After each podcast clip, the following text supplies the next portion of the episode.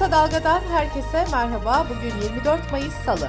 Ben Demet Bilge Erkasap. Gündemin öne çıkan gelişmelerinden derleyerek hazırladığımız Kısa Dalga Bülten başlıyor. Cumhurbaşkanı Recep Tayyip Erdoğan, NATO'ya üyelik için başvuran İsveç'e yönelik veto söylemini yineledi. Erdoğan, ucu açık diplomatik ifadelerden ziyade somut adımlar görmek istiyoruz diye konuştu. İsveç Başbakanı Anderson ise ülkesinin NATO üyeliği hakkında Türkiye ile görüşmelerin devam ettiğini ancak müzakerelerin biraz zaman alacağını belirtti. İyi Parti Genel Başkanı Meral Akşener 4 yıl önce Sadat'ı gündeme getirirken Tokat ve Konya'daki kamp fotoğraflarını gördüğünü söylemişti.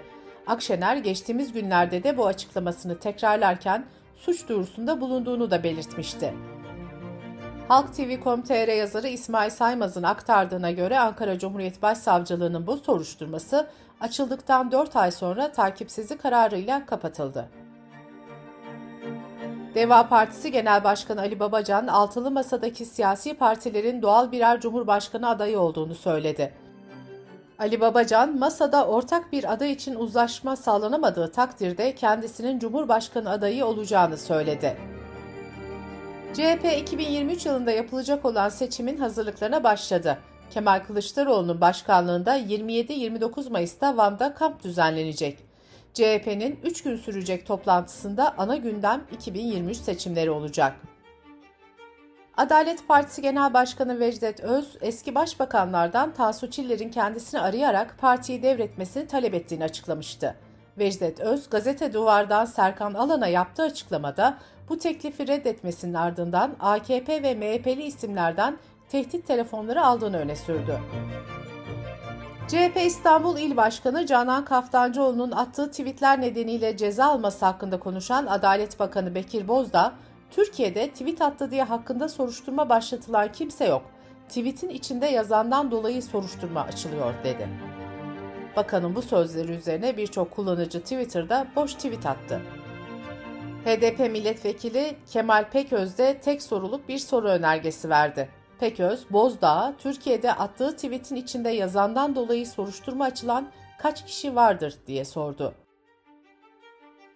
75.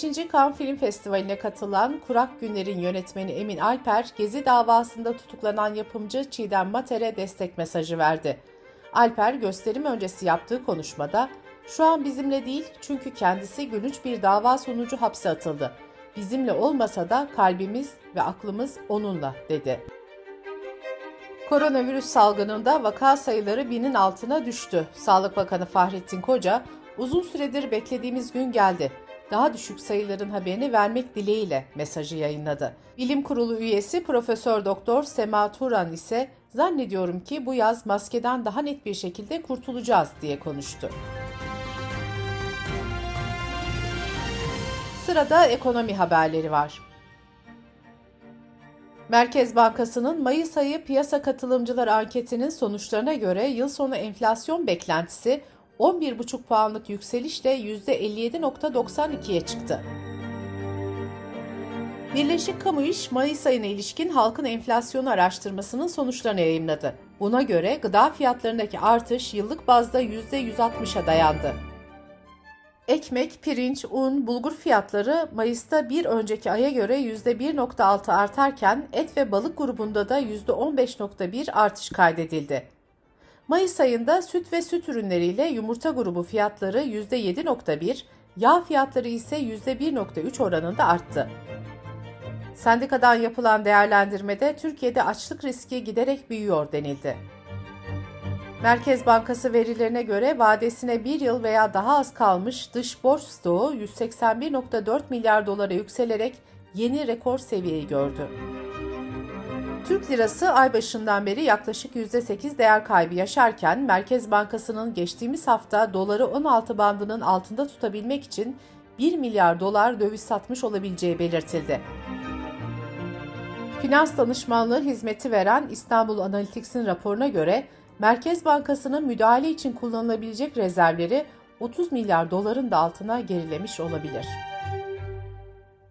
Türkiye İstatistik Kurumu verilerine göre tarımsal girdi fiyatları Mart ayında bir önceki aya göre %15.16 arttı.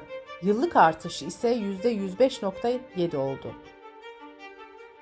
Merkez Bankası tarafından yayınlanan konut fiyat endeksine göre Mart ayında konut fiyatlarında yıllık artış %110 oldu.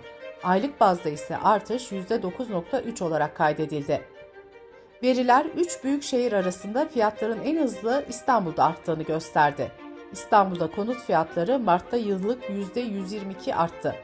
Yeni olan konutlarda artış %130'a varırken yeni olmayan konutlarda ise %123 oldu. Bu artış oranlarının ardından İstanbul'da metrekare fiyatı 15.342 lira olarak kaydedildi. Türkiye İstatistik Kurumu verilerine göre 2021 yılında iş gücüne yapılan ödemeler son 10 yılın en düşük seviyesine indi. Verilere göre Türkiye'de ücretliler 2019 yılında milli gelirin %31.4'ünü alırken bu oran 2021'de %27'ye düştü. Şirketlerin milli gelirden aldığı pay ise son 2 senede %42.9'dan %47'ye yükseldi. Uluslararası Yardım Kuruluşu Oxfam, salgın döneminde dünyanın en zengin kesiminin servetinin %42 oranında arttığını, buna karşılık 250 milyon insanın aşırı yoksulluk tehdidiyle karşı karşıya kaldığını açıkladı. Dış politika ve dünyadan gelişmelerle kısa dalga bültene devam ediyoruz. Birleşmiş Milletler'den yapılan açıklamada Rusya'nın Ukrayna'ya saldırısıyla birlikte dünya çapında sığınmacı konumuna düşen insan sayısının ilk kez 100 milyonu aştığı belirtildi. Zorla yerinden edilen 100 milyon kişi dünya nüfusunun %1'den fazlasına tekabül ediyor. Tahran'da devrim muhafızları ordusunda görevli Albay Seyyad Hodai evinin yakınında suikast sonucu öldürüldü. Devrim muhafızları ordusunun komutanlarından Kasım Süleymani de iki yıl önce suikastla öldürülmüştü. İran Cumhurbaşkanı reisi intikam alacağız dedi. Suudi Arabistan aralarında Türkiye'nin de bulunduğu 16 ülkeye seyahat kısıtlaması getirdi. Gerekçe olarak bu ülkelerde artan COVID-19 vakaları gösterildi. ABD Başkanı Joe Biden, Tokyo'da yaptığı açıklamada Çin'in Tayvan'ı işgal etmesi halinde askeri yanıt vereceklerini söyledi. İlk Asya ziyareti kapsamında Japonya'da olan Biden, Tayvan'ı savunmak için güç kullanacaklarını vurguladı. Çin Dışişleri Bakanlığı'ndan ise Biden'a yanıt geldi. Bakanlık sözcüsü şunları söyledi. ABD, Çin halkının Tayvan'ın egemenliğini ve toprak bütünlüğünü koruma kararlılığını hafife almamalı. 1.4 milyarlık Çinlinin iradesine karşı durmamalı. Maymun çiçeği vakaları dünya genelinde artmaya devam ederken virüs Avusturya ve Arjantin'e de sıçradı. Böylece hastalığın görüldüğü ülke sayısı 15'e çıktı. Bültenimizi kısa dalgadan bir öneriyle bitiriyoruz. Hayatımıza bugünkü gibi devam edersek 2050'de iklim krizi hangi boyutlara varabilir? Dünya ve Türkiye küresel ısınma nedeniyle hangi zorluklarla karşı karşıya kalacak? Çok uzak olmayan gelecekte neleri konuşacağız, nasıl yaşayacağız? Mehveş Evin günümüzde yapılan bilimsel araştırma ve öngörülerin ışığında bu sorulara yanıt aradı. Mehveş Evi'nin podcast'ini kısa dalga.net adresimizden ve podcast platformlarından dinleyebilirsiniz. Gözünüz kulağınız bizde olsun. Kısa Dalga Medya.